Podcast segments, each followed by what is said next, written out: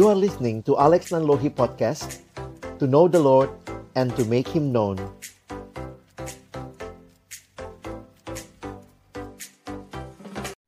Tuhan kami kembali datang dalam ucapan syukur untuk kesempatan menikmati panggilan Tuhan dan diutus bagi pekerjaan pelayananmu, membangun kerajaanmu di bangsa kami, bahkan dunia ini. Tuhan kami bersyukur karena hari ini Tuhan kumpulkan kami dari berbagai pelosok tanah air ini. Untuk bersama-sama mendengarkan panggilanmu ya Tuhan. Membawa hidup kami kepadamu kami akan membuka firman-Mu, bukalah juga hati kami. Jadikanlah hati kami seperti tanah yang baik, supaya ketika benih firman-Mu ditaburkan itu boleh sungguh-sungguh berakar, bertumbuh, dan juga berbuah nyata di dalam kehidupan kami. Berkati hambamu yang menyampaikan, semua kami yang mendengar. Tuhan tolonglah, agar kami bukan hanya jadi pendengar-pendengar firman yang setia, tapi mampukan dengan kuasa, pertolongan dari rohmu yang kudus, kami dimampukan menjadi pelaku-pelaku firman-Mu di dalam kehidupan kami, di sepanjang kehidupan kami. Bersabdalah ya Tuhan, kami umat-Mu sedia mendengarnya. Dalam satu nama yang kudus dan berkuasa, nama Tuhan kami Yesus Kristus, kami menyerahkan pemberitaan firman-Mu. Amin. Shalom, selamat pagi atau menjelang siang bagi teman-teman yang ada di Indonesia bagian timur bersyukur untuk kasih dan anugerah Tuhan yang boleh mengumpulkan kita bersama. Hari ini kita boleh memulai rangkaian Camp Nasional Mahasiswa. Kalau tadi Kak Riki bicara Camp 1995, saya juga ada di KNM 1995. Kalau lihat ke belakang, melihat buah yang Tuhan kerjakan, dari camp demi camp. Saya sungguh bersyukur kepada Tuhan. Satu orang yang saya ingat waktu itu kenalan, salah satu yang paling saya ingat itu adalah ada mahasiswa duduk sebelah saya dari Timor Timur waktu itu ya. Sekarang Timor Leste, namanya Kak Anton Katoba. Saya nggak tahu Kak Anton masih ingat nggak ya? Kalau saya ingat waktu kenalan dan uh, itu jadi satu hal yang menarik begitu ya melihat pada waktu kemudian Tuhan juga boleh memakai hamba-hambanya bagi kemuliaannya. Teman-teman mengerjakan panggilan membangun bangsa. Moto pelayanan kita, student today, leader tomorrow. Saya suka ubah sedikit karena saya pikir jangan tunggu besok baru jadi pemimpin. Student today, leader start from today. Kepemimpinan adalah anugerah Allah. Kalau kita lihat dalam sejarah bangsa Israel, ketika Israel membutuhkan seorang pemimpin yang saleh, Tuhan memberi mereka para nabi, hakim, raja. Tuhan memberi mereka Samuel, Daud, Elia, Yesaya, dan lain-lain. Setiap pemimpin hadir di dalam sebuah konteks. Entah itu konteks situasi bangsa yang sedang berada di dalam pergumulan dan karena itulah Tuhan menghadirkan pemimpin-pemimpin untuk boleh menjadi perpanjangan tangan Tuhan, mengerjakan panggilan Tuhan, Saudara yang dikasihi Tuhan, tidak heran kalau kita saat ini pun bicara kepemimpinan baik di level nasional, di level lokal, kita ya sering kali sedih ya. Tidak merasa mendapat pemimpin yang tepat. Atau ya sudah pilih saja yang paling baik dari yang terjelek. Kira-kira seperti itu. Dunia sedang berada dalam krisis kepemimpinan. Dan jawabannya menurut saya bukan hanya lebih banyak pelatihan kepemimpinan, training-training kepemimpinan. Bukan hanya lebih banyak pendidikan kepemimpinan.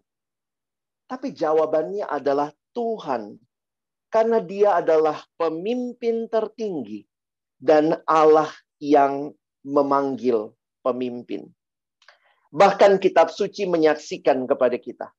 Tidak ada otoritas selain yang berasal dari Allah kepemimpinan berasal dari Tuhan dan pemimpin yang saleh adalah pemberian dari Tuhan. Oleh karena itu kalau kita mau memperbaiki kepemimpinan di gereja kita, di sekolah kita, di rumah kita, di kampus-kampus kita, di bangsa kita, di gereja Tuhan, ya harus mulai dari mana? Harus mulai dari Tuhan. Karena dialah pemberi otoritas dan kepemimpinan. Oleh karena itu cara utama yang dapat kita pelajari tentang kepemimpinan dan khususnya bagaimana menjadi pemimpin yang saleh adalah dengan belajar firman Tuhan. Dan kita akan melihat seorang tokoh di dalam Alkitab namanya Nehemia. Teman-teman yang dikasihi Tuhan, saya coba mengajak kita melihat kepemimpinan Nehemia. Tentu saya harap kita sudah membaca kitab Nehemia sehingga saya tidak mengambil waktu yang banyak untuk membaca ayatnya. Tetapi sambil jalan kita akan melihat ayat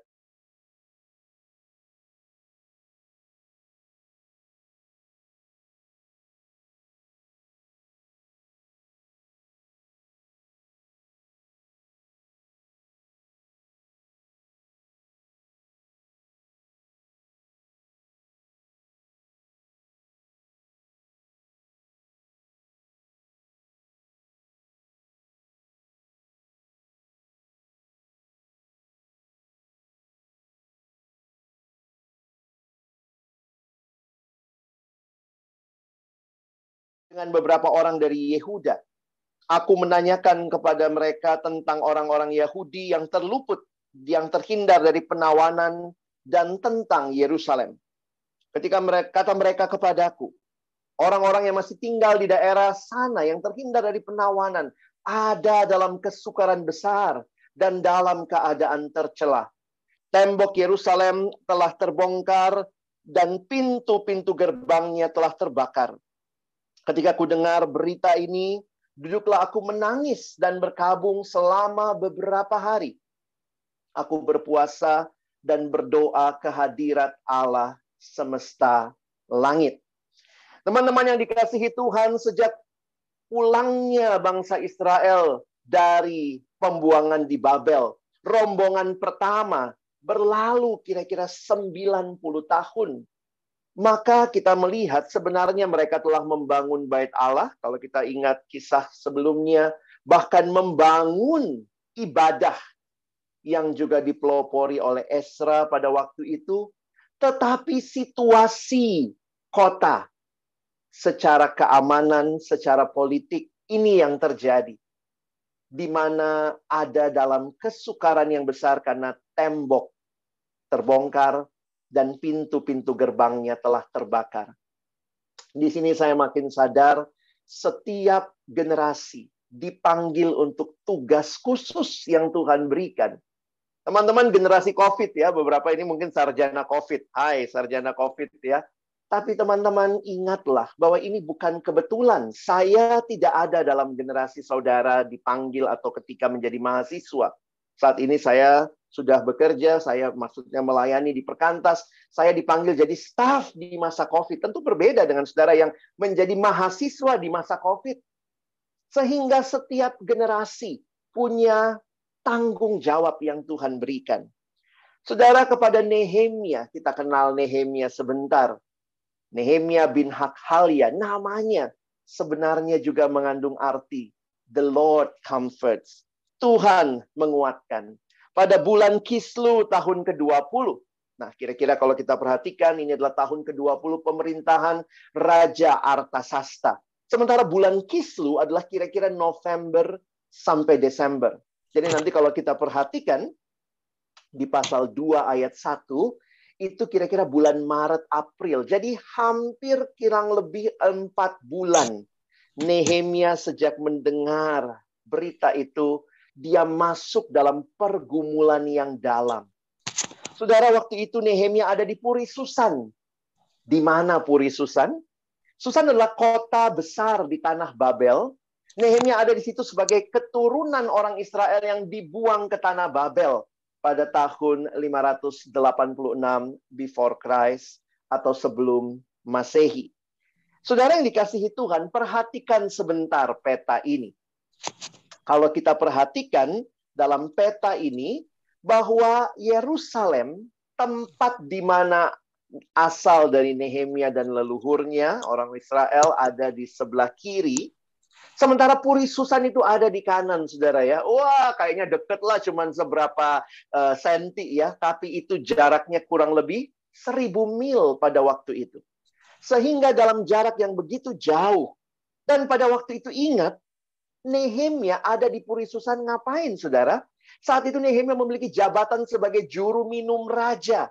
Ini sebuah jabatan yang penting dan berpengaruh. Sebuah posisi luar biasa yang dapat dicapai oleh orang Israel. Ingat, dia adalah orang Israel berarti orang pembuangan, bukan putra daerah.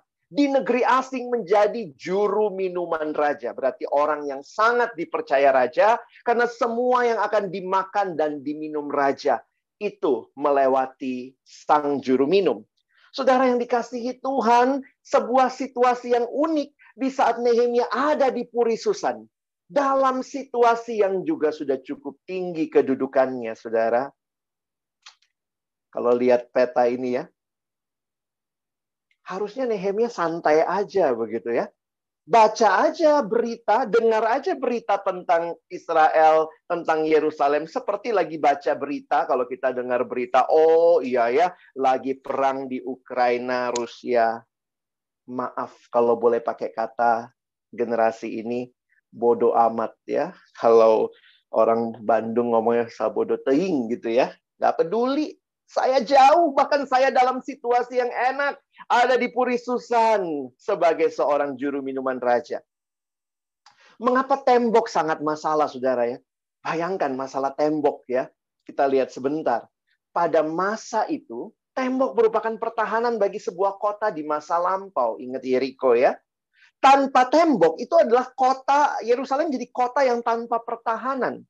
Bait Allah dapat dengan mudah diserang, kehidupan masyarakat dan kehidupan agama. Ingat, ada bait Allah di pusat atau di bagian uh, sentral dalam kota itu, itu gampang sekali diserang oleh saudara-saudara atau negara-negara yang ada di sekitarnya, bangsa-bangsa yang ada di sekitarnya.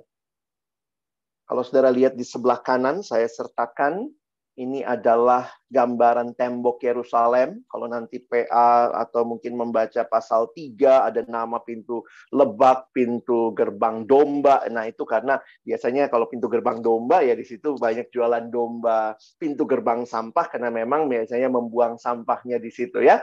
Nah, Saudara lihat, pintu gerbangnya terbakar, temboknya terbongkar. Tidak heran satu hal yang kita baca di pasal 1 ayat 4. Ketika ku dengar berita ini, duduklah aku menangis dan berkabung selama beberapa hari. Dan ini bukan hanya beberapa hari, saudara. Kalau kita lihat nampaknya berlanjut sampai beberapa bulan. Respon Nehemia mendengar kabar itu. Aku berpuasa dan berdoa kehadirat Allah semesta langit. Saudara, saya ingin membagikan beberapa hal yang menarik untuk kita renungkan dan refleksikan di tengah-tengah panggilan yang Tuhan berikan bagi saudara dan saya, di tengah kepemimpinan yang menjadi bagian yang Dia percayakan kepada kita.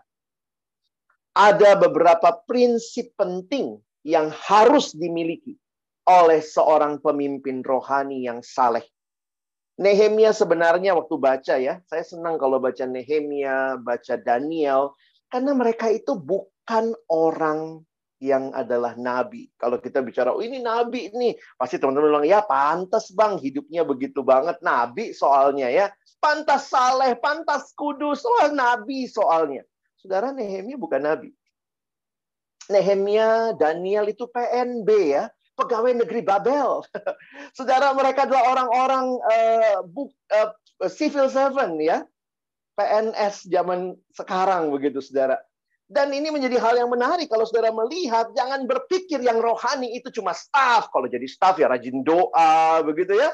Wah, kalau jadi staff ya wajar lah. Lihat abang ini, lihat kakak ini, lihat kakak itu. Waduh, kayak doa banget kalau lihat mereka. Uh, kayak Tuhan Yesus. Persis sedikit di bawah Tuhan Yesus begitu ya. Tapi saudara, saya kagum dengan orang seperti Nehemia. Seorang pemimpin yang juga saya harus katakan. Bukan hanya pemimpin negarawan, politikus, tetapi dia juga seorang pemimpin rohani. Prinsip pertama, Nehemia melibatkan diri dengan pergumulan bangsanya. Saudara yang dikasihi Tuhan, ini satu bagian yang saya pelajari penting dari kehidupan Nehemia. Banyak orang mendengar berita itu. Saya yakin pasti bukan hanya Nehemia. Tetapi yang menarik, Nehemia adalah orang yang melibatkan diri dalam pergumulan bangsanya. Saudara yang dikasihi Tuhan, tentu Tuhan bisa panggil saudara dan saya dalam berbagai kerinduan, berbagai beban yang dia berikan. Tetapi ingat, tanpa melibatkan diri, maka itu cuma menjadi sebuah wacana di pikiran kita. Bentuk melibatkan diri yang paling utama bagi saya adalah dia berdoa. Nehemia adalah seorang man of prayer. Sehingga pasal 1 ayat 5, saudara lihat. Dia berdoa ketika dia mendengar berita itu. Kataku ya Tuhan Allah semesta langit, Allah yang maha besar, yang dahsyat, yang berpegang pada perjanjian dan kasih setianya terhadap orang-orang yang kasih kepadanya dan yang tetap mengikuti perintah-perintahnya. Berilah telingamu dan bukalah matamu dan dengarkanlah doa hambamu yang sekarang kupanjatkan kehadiratmu. Siang dan malam bagi orang Israel. Hamba-hambamu itu dengan mengaku segala dosa yang kami orang Israel telah lakukan terhadapmu. Juga aku dan kaum keluargaku telah berbuat dosa. Kami telah sangat bersalah kepadamu dan tidak mengikuti perintah-perintah, ketetapan-ketetapan dan peraturan-peraturan yang telah kau perintahkan kepada Musa, hambamu itu. Saudara lihat hal ini. Saya mengutip kalimat pendeta Billy Graham yang mengatakan satu kalimat yang menarik. To get nation back on their feet, we must first get down on our knees.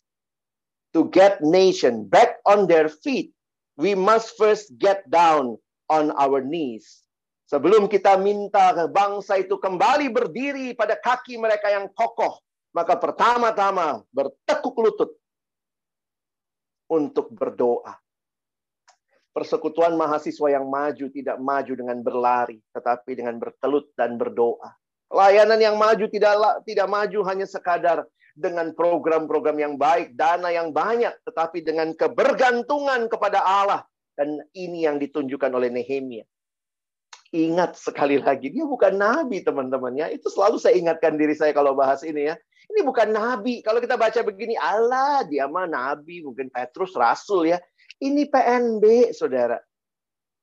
Dia pemimpin rohani sebelum dia pemimpin politik. Bagi saya dia punya hal yang sangat unik. Dia melibatkan diri dan melibatkan dirinya dengan apa? Dengan doa. Dan ingat bukan kali ini saja dia berdoa ya. Nah, nanti bisa screenshot, bisa difoto begitu ya. Nanti slide-nya juga bisa dibagi. Dalam kitab Nehemia kita melihat Nehemia adalah seorang yang berdoa. Jadi ini bukan berdoa sekali-kali. Tetapi dari kesimpulan yang saya lihat ini adalah berdoa setiap kali sepanjang waktu. Waktu dengar berita buruk pasal 1 ayat 4 ini, dia berdoa kan? Nanti dalam doa, dalam percakapan dengan raja di pasal 2 ayat 4, sambil dia ngobrol, sambil dia berdoa, tentu mungkin dia nggak tutup mata ya. Sebentar raja, saya doa dulu. Nah itu jadi aneh saudara ya. Dan waktu dia di, di, di apa ya ditantang atau mungkin diserang atau ditakut-takuti oleh Tobia dan Sanbalat pasal 4 dia berdoa setelah dia diancam maka yang dia lakukan berdoa meresponi dengan doa waktu dia merefleksikan apa yang dilakukan musuh-musuhnya dia berdoa dan bahkan dia berdoa juga setiap kali mengingat merefleksikan apa yang dia lakukan di hadapan Tuhan untuk melayani Tuhan. Saudara, jangan berhenti berdoa. Nehemia seorang yang berdoa. Ada dua hal yang menarik dalam doanya. Tentu kita tidak bisa bahas detail, saya akan berikan gambarannya. Pertama, Nehemia kenal siapa Allahnya. Lihat doanya ya. Itu yang kita baca tadi, nanti baca sampai bawah. Lalu yang kedua, lebih khusus lagi, Nehemia dalam doanya mengaku dosanya, dosa keluarganya dan bangsanya. Saudara, doa itu yang penting apa sih? Bukan cuma ngomong, ya, ya Tuhan, ini pokok doanya satu, dua, tiga. Tetapi kepada siapa kita berdoa? Nehemia tahu bahwa dia berdoa kepada Allah yang hidup. Dan perhatikan, Nehemia juga tahu firman Tuhan. Dari mana kenal Tuhan? Dari firmannya. Nehemia berpegang pada hukum kasih setia. Makanya ingat yang dia bilang tadi. Ya Tuhan Allah semesta langit Allah yang maha besar. Yang dahsyat yang berpegang pada perjanjian dan kasih setianya. Dari mana tahu ada kasih setia Tuhan? Ya pasti dia rajin baca Alkitab, saudara ya. ya paling tidak kitab Taurat pada waktu itu. Nehemia tahu dengan baik berpegang pada perjanjian kasih setia Tuhan dan umatnya.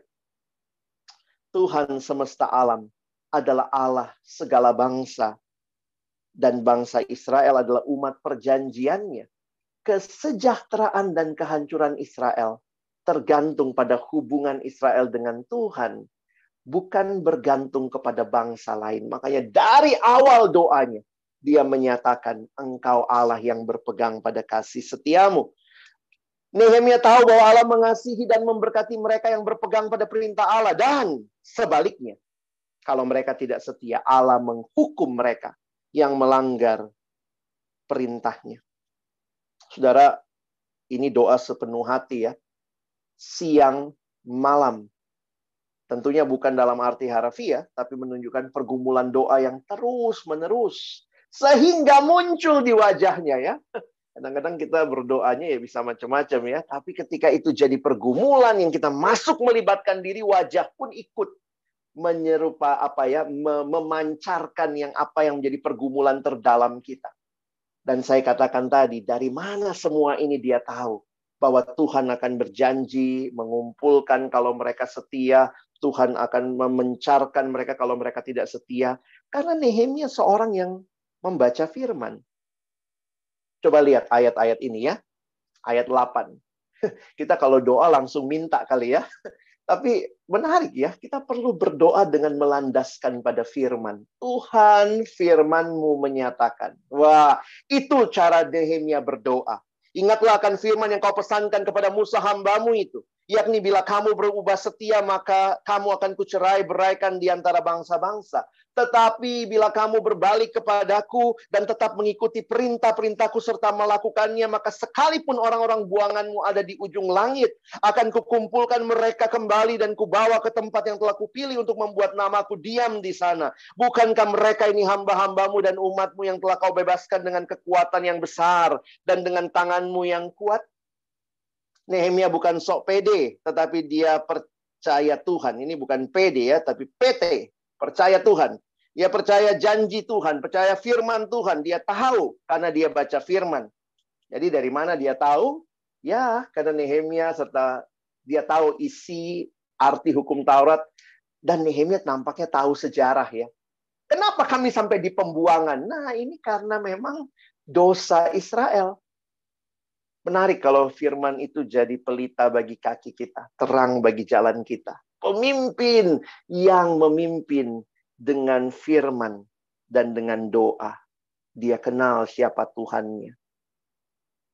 Tidak heran kalau kita lihat selanjutnya, Nehemia mengaku dosanya, keluarganya, dan bangsanya. Teman-teman, ayat 6 sampai 11, 6b sampai 11, kalau kita lihat tadi ya. Perhatikan kata ganti yang ada di situ.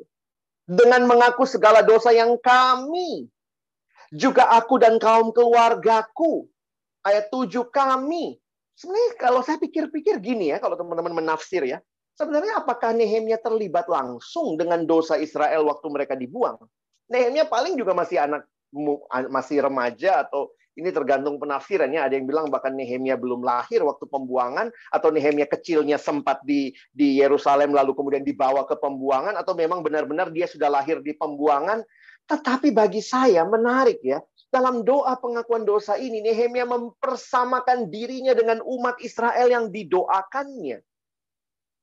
Dia menjadi bagian, ini melibatkan diri yang total, saudara ya. Kadang-kadang memang kalau bikin dosa kita pikir ya itu kan dosanya dia ya, bukan dosa kita. Ya apa hubungannya sama gua aja jauh banget kata anak Jakarta ya. Tapi realita kehidupan umat Allah, apa yang terjadi? mungkin kita terus perlu bertanya, Tuhan, kami bagian dari kerusakan, termasuk kerusakan bangsa ini. Betul, mungkin kita nggak mau nyontek, kita hidup kudus, hidup benar, tetapi apa yang terjadi di sekitar kita, apakah kita juga mengakuinya sebagai bagian dari tanggung jawab kita? Saudara Nehemia mengaku dosanya, keluarganya, dan bangsanya. Tetapi dia juga beriman akan janji pengampunan Tuhan. Masih ingat ayat tadi ya? Kalau kamu setia, aku kumpulkan. Tidak setia, aku cerai beraikan. Balik lagi. Dia pegang firman Tuhan. Keberanian dan kesungguhan Nehemia menaikkan doa permohonan ini. Sekali lagi didasarkan akan janji pengampunan Allah kepada umat Israel. Saudara yang dikasihi Tuhan, Nehemia menempatkan diri dan bang, diri, dirinya di tengah bangsa ya dia setia berdoa sampai ia mengimani dan mengaplikasikan jawaban pertolongan Tuhan ya saya tulis di sini Nehemia menempatkan bangsanya ini yang kembali dari tanah pembuangan sama seperti bangsa Israel yang dibawa keluar dari Mesir oleh tangan Allah yang kuat ya bahasanya gaya bahasanya ya dan saat ini ia mohon Tuhan melakukan hal yang sama bawalah kami kembali. Dan sekaligus Nehemia menerima bahwa dialah yang diutus Tuhan untuk mengerjakan pembangunan ini. Teman-teman saya jujur ya agak takut berdoa ya karena banyak kali waktu kita berdoa jadinya Tuhan bilang jangan doa minta orang lain menggenapkan apa yang kamu doakan tapi berdoalah supaya siap kalau Tuhan bilang kamu yang lakukan. Kadang mikir ya, makanya jangan melibatkan diri, jangan berdoa. Tapi orang yang menerima panggilan Tuhan, maka dia akan masuk dalam pergumulan itu. Dalam proses yang Tuhan izinkan. Dan bagi saya, ini sebuah proses ya. Tentu tidak semua kita hari ini ikut camp langsung jelas panggilannya. Nggak apa-apa kalau belum jelas. Tapi yang saya mau ingatkan, apakah teman-teman masuk bersungguh-sungguh melibatkan diri, berdoa, membaca firman sebagai bagian dari kehidupan yang mau tahu panggilan Tuhan. Di sinilah pentingnya pemimpin memiliki spiritualitas yang baik.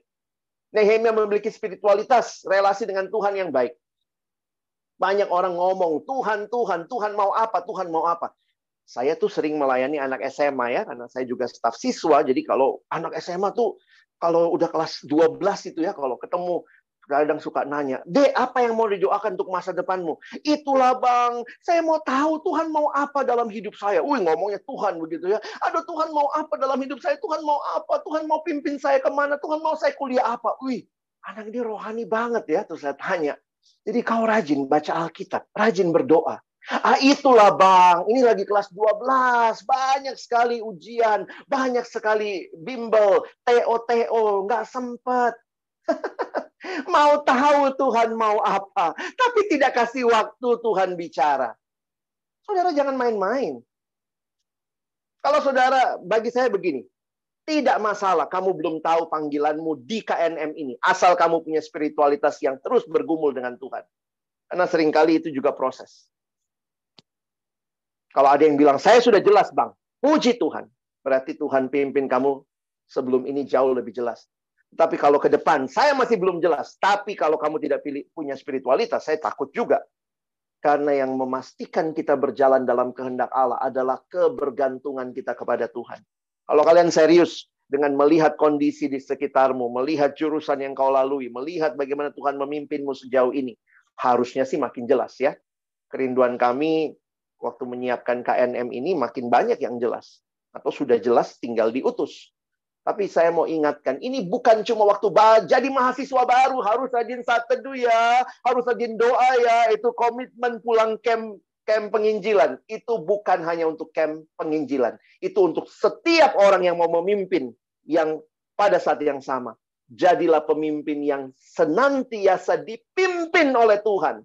Kamu dan saya belum pernah selesai mengenal Tuhan. Kita belum pernah selesai dalam sekolah mengenal Allah dan terus berjalan dalam kehendaknya. Ini satu-satunya SKS yang tidak pernah selesai. Mengenal Tuhan, berelasi dengan Tuhan. Jangan ada merasa expert. wow saya sudah jago ya, wow saya sudah luar biasa. No. Spiritualitas adalah perjalanan seumur hidup bersama Tuhan. Jangan nostalgia rohani. Dulu saya rajin sekali, tapi itu dulu. Kita nggak hidup dalam nostalgia rohani. Dulu saya luar biasa pelayanannya, tapi itu semua dulu. Spirituality is not about what you did in the past, but who you are and how you relate to God now in your everyday life. Sehingga tidak heran ya orang seperti ini di akhir doanya, ya Tuhan berilah telinga kepada doa hambamu ini. Dan kepada doa hamba, hambamu yang rela takut akan namamu. Dan biarlah hambamu ini berhasil hari ini. Dan mendapat belas kasihan dari orang ini. Ketika itu, aku ini juru minuman raja. Kenapa sih kayaknya doanya takut banget ya? Karena kalau lihat konteksnya, ini masalah sensitif, saudara. Karena kalau kita baca Esra, Raja Artasasta sudah menghentikan pembangunan tembok Yerusalem sebelumnya. Masalah tembok ya, kalau bait Allah kan tetap dibangun, tapi yang tembok sempat dihentikan. Jadi waktu berhadapan, nah Nehemia mesti hati-hati, saudara ya. Nah, lihat buahnya. Orang yang dekat dengan Tuhan, dalam doa, dalam firman. Orang yang bergumul melibatkan diri dengan bangsanya, dia juga yang akan mendapat visi. Visi itu nggak didapat waktu banyak tidur, bangun, oh dapat visi, mimpi. Ya tidak. Tetapi bagi saya, visi itu lahir dari relasi dengan Allah. Yang di dalamnya kita dikasih kacamata baru melihat kondisi. Dulu kalau lihat orang nyontek, ya udah, ih nyontek. Mungkin kadang kita juga masih nyontek, eh sama ya. Gue nyontek, dia nyontek.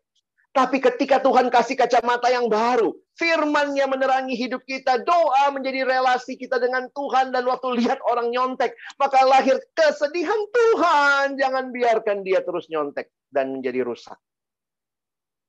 Kalau engkau pelihara relasi dengan Tuhan, maka kamu dan saya dikasih kacamata baru, lihat kondisi. Dulu lihatnya biasa saja. Dulu lihat teman uh, anak kos bawa pacarnya dalam kamar. Ah, biasa bang, mahasiswa memang begitu, biasa. Tapi ketika Tuhan kasih kacamata baru karena relasimu dengan Tuhan, Tuhan mengatakan itu bukan yang seharusnya. Maka ada kasih yang dalam, ada kesedihan yang dalam waktu lihat ada hal, ada kondisi yang tidak sesuai dengan firman Tuhan.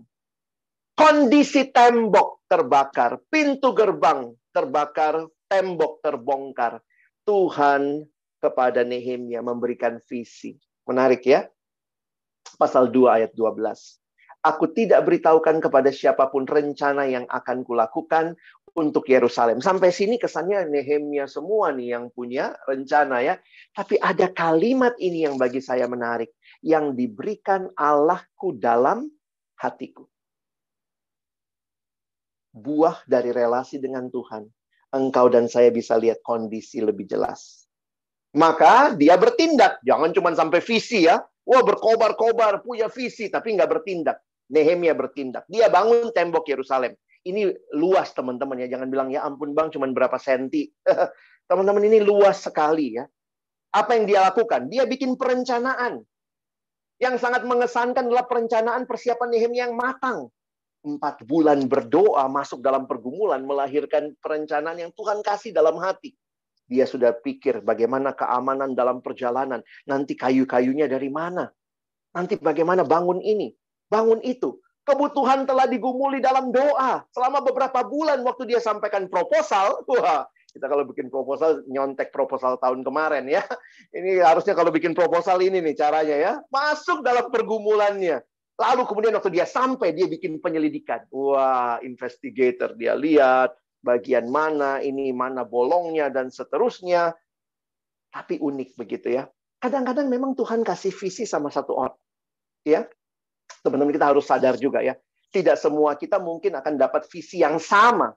Tetapi ketika Tuhan kasih visi kepada satu orang, perhatikan yang menarik. Nehemia share visi Allah dan pertolongan Allah yang dia alami. Karena itu lihat responnya kami siap untuk membangun. Ini respon umat, teman-teman. Ingat ya, kadang kita sadar bahwa tidak semua kita bisa sedalam itu mendapatkan visi Allah seperti itu. Mungkin kamu dan saya juga bisa jadi satu sisi adalah orang yang ikut follower ya.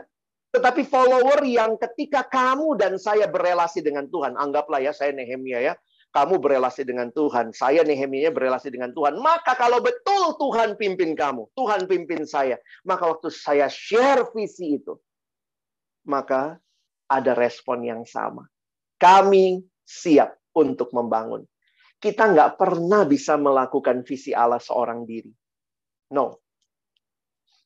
Makanya kenal ya teman-temanmu, berdoa bersama-sama ya biarlah ini jadi respon kita bersama. Kami siap untuk membangun. Teman-teman, bersyukur kalau Tuhan berikan panggilan itu. Tapi ingat, ada orang lain yang mungkin mengerjakan visi yang mirip, yang sama, atau bahkan yang berbeda. Tapi itu bagian dari membangun kerajaan Allah. Secara khusus di bangsa ini. Bagikan, sharingkan. Dan kiranya Tuhan akan meneguhkan waktu melihat kamu share orang lain dengan visi yang dia juga yakin dari Allah. Wow, saya dapat, dia dapat. Kami siap untuk membangun. Wah, tantangan ada nggak? Uh, banyak teman-teman. Tantangan dari dalam. Ada pemuka-pemuka tinggal deket situ nggak mau ikut membangun, teman-teman. Pasal 3 ayat 5 nanti lihat ya. Yang dari dalam. Terus mereka kan tambah capek. Wah, waktu capek, orang kalau capek begitu ya. Selalu merasa saya paling berjasa. Wow, kalau udah begitu penyakit kita itu ya. Lalu kemudian ada tantangan dari luar. Wah, tantangan yang tidak mudah. Nah, ini semua harus dilewati. Dan teman-teman lihat. Dengan pertolongan Tuhan. Dari luar itu musuh-musuh ya. Ya, saya kasih bocorannya lah. Pasti kita sampai di pasal ini juga ya. Selesai dalam waktu 52 hari. Kurang dari dua bulan, teman-teman. Nehemia luar biasa, tapi jauh lebih luar biasa. Allahnya Nehemia refleksi kita hari ini. Apakah saudara adalah men and women of struggle, of prayer, of word, of vision, and of action? Apa panggilan saya? Kalau Tuhan panggil kita, apa sih yang menjadi panggilan kita? Ini kita mesti gumulkan dengan serius. Bagaimana ngertinya, Bang? Nah, saya ingatkan tadi ya. Calling is not only about doing something about, but being called to somebody, to a person, Panggilan itu bukan hanya jadi apa, mau ngapain, tetapi bagaimana engkau dan saya dipanggil kepada seorang pribadi, yaitu Allah sendiri karena itu memiliki relasi dengan Dia, sehingga makin jelas nanti Tuhan menyatakan apa panggilanmu. Secara sederhana gimana cara tahu panggilan? Tentu kenal Allah, kenal diri, kenal kondisi. Makanya camp ini akan membukakan kepada kalian. Kalian akan dengar sharing-sharing alumni, akan melihat kondisi. Tadi udah ada kondisi. Nggak ada staff di Monokwari. Jangan-jangan Tuhan panggil di sini ya. Berikan dirimu jadi staff. Saudara itu kondisi. Tapi kamu mesti kenal diri. Bagaimana kondisimu, bagaimana Allah memanggilmu, apa latar belakang yang dia sudah sediakan bagimu. Sehingga ada satu kalimat yang menarik. Ketika ini semua bersinggungan. Perhatikan kalimat ini. Your vocation in life is where your greatest joy meets the world's greatest needs. Panggilanmu dalam hidup adalah ketika kesukacitaanmu yang terbesar berjumpa dengan kebutuhan terbesar dunia. Jadi ada kebutuhan dunia juga ya. Jangan cuman saya senangnya bidang IT, tapi nggak ada kebutuhan di situ misalnya ya, ya itu berarti kan nggak klop.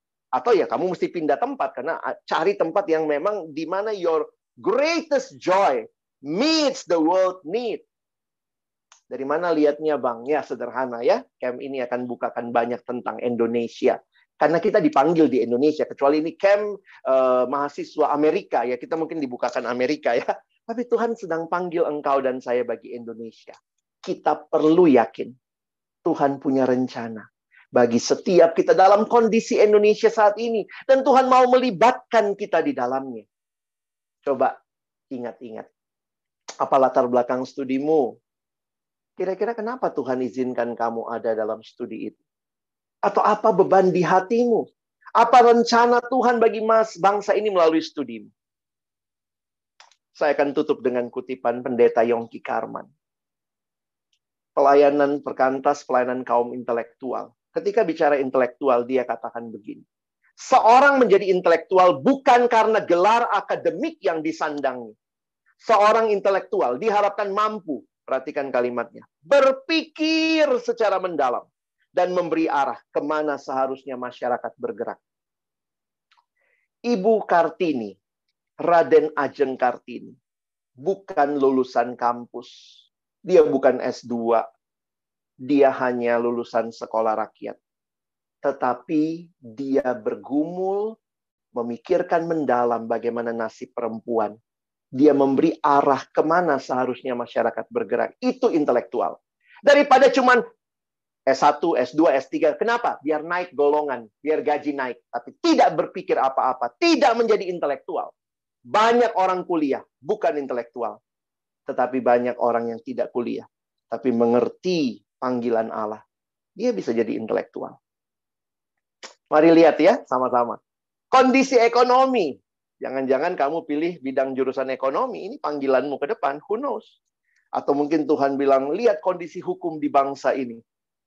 Maka pilihan hukum, mungkin jurusan sosial, mungkin juga teknik, mungkin budaya. Engkau lihat kondisi budaya yang hancur, Tuhan panggil kamu di situ.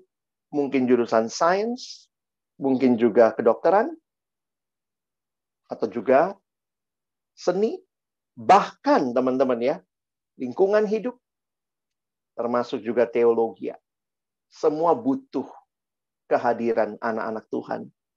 Kiranya Tuhan menolong kita. Bahwa setiap pilihan kita bagi Indonesia. Maka apa yang menjadi respon saudara?